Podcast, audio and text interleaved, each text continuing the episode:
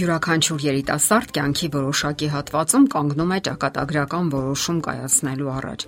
Ամուսնական միության հարցը խիստ անձնական է եւ կապված է մարդու ընդհանուր սոցիալական, հոգեբանական առանձնահատկությունների, մտածողության կերպի եւ աշխարհայացքի հետ ընդհանրապես։ Փաստ է, որ ոչ երջանիկ, հորետես եւ ներքին հակասություններ ունեցող մարդիկ ավելի քիչ հավանականություն ունեն երջանիկ ընտանիք կառուցելու։ Սակայն ցանկության դեպքում հնարավոր է ամեն ինչ փոխել։ Ասենք որ ամուսնությունը շատ քիչ բան է փոխում մարդու մտածողության մեջ։ Այն պարզապես ջրի երես է հանում խնդիրները։ Իսկ եթե մարդը գիտակցական ջանքեր չանի դրանից ազատվելու համար, որpիսի փրկի միությունը, ապա վտանգ կա, որ այդ բացասական որակները կարող են խորանալ եւ խաթարել ընտանիքի անդորրը։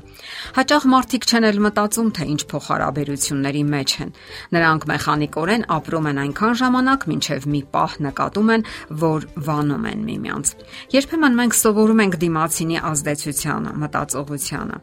Եթե մարդու շրջապատում չեն եղել տղամարդու կամ կնոջ օրինակներ, ապա դժվար է կառուցել սեփական պատկերացումները։ Ուղեղը ոչնչից ոչինչ չի ստեղծում։ Հաճախ սերը կառուցվում է մեկ անգամ տպավորված տեսարանով։ Եթե մարդն իր հայրական տանը չի տեսել փոխադարձ սեր, հարգանք, կապվածություն, ապա նրան շատ հիասթափություններ են սպասվում ապագայում։ Եթե նրա շփման հմտությունը հարմարվել է լարված փոխհարաբերություններին կամ երկու սեռերի պատերազմին, ապա դժվարանում եւ նույնիսկ անհնար է դառնում խուսափել այդ նույնի կրկնությունից։ Սակայն ոչ մի անհնար բան չկա հասուն գիտակից մարդու համար, ով կամային ջանքեր է անում ազատվելու բնավորության եւ վարքագծի կարծրատիպերից եւ սիրո արկայությունից կամ բացակայությունից էլ կախված է հետագա հաջողությունը։ Հետաքրքիր եւ ուսանելի միտք է արտահայտել ռուս նշանավոր գրող Ֆյոդոր Դաստայևսկին։ Սիրել մարդուն նշանակում է տեսնել նրան այնպիսին, ինչպիսին խորհել է նրա մասին Աստված։ Սա նշանակում է մարդուն տեսնել իր ողջ աշխարհայացքի մեջ, հասկանալ նրան եւ ընդունել։ Այսպես մենք մոտենում ենք սիրո սահմանագծին։ Կյանքում մենք տարբեր որոշումներ ենք ընդունում։ Կարող ենք որոշել աշխատանքի ընդունվել կամ փոխել աշխատանքը, ընտրել մասնագիտություն, բնակության վայր։ Դրանք բոլորն էլ մեզ համար կարևոր ու վճռորոշ են, սակայն կա մի որոշում, որի հաջող իրականացումից էլ կախված է մեր ողջ գիտակցական կյանքը, մեր հաջողությունները եւ նույնիսկ երջանկությունը։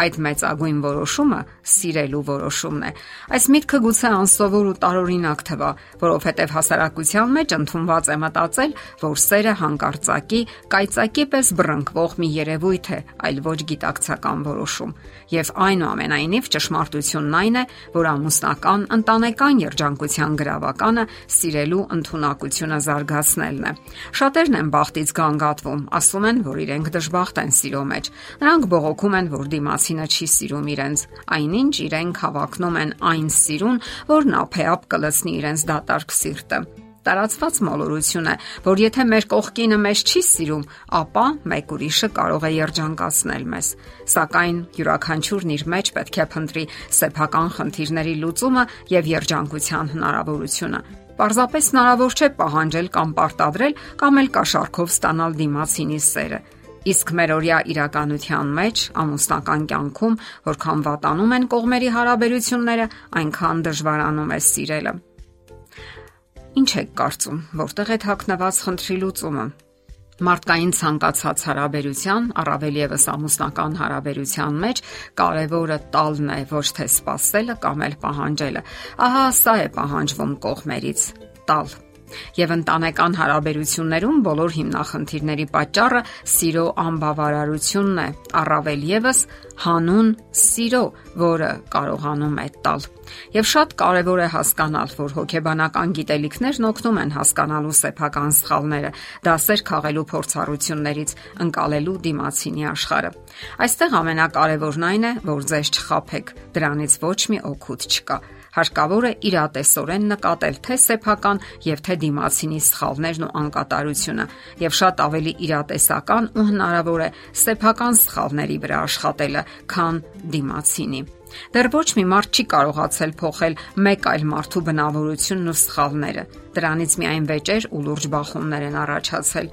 Շատերն են բաժանվել, շատերն էլ համակերպվել, Շատերն էլ նստում են կլոր սեղանի շուրջ եւ ընդհանուր հայտարարի գալով առաջ ընթանում։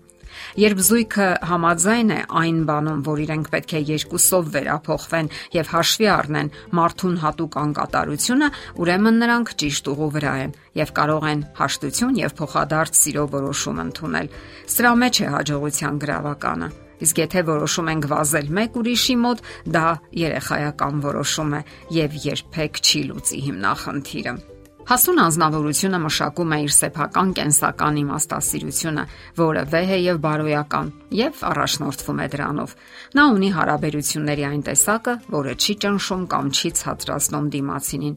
Ագրեսիան եւ մեծամտությունը տեղ չունեն իսկական սիրո հարաբերություններում։ Իսկ հարբեցողության, թմրամոլության կամ անկանոն սեռական կյանքի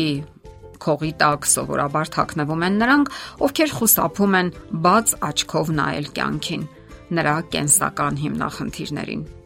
Դուք պետք է միմյանց հասկանալու եւ սիրելու որոշում ընդունեք, եւ դա հասուն ապագային միտված սիրո գրավականն է։ Դուք երբեք չպետք է մտածեք մեկ ուրիշի մոտ փախչելու եւ առավել եւս դավաճանելու մասին։ Իսկ դուք մտածել եք նման ձևով։ Եթե ոչ, ուրեմն հիմա է ժամանակը։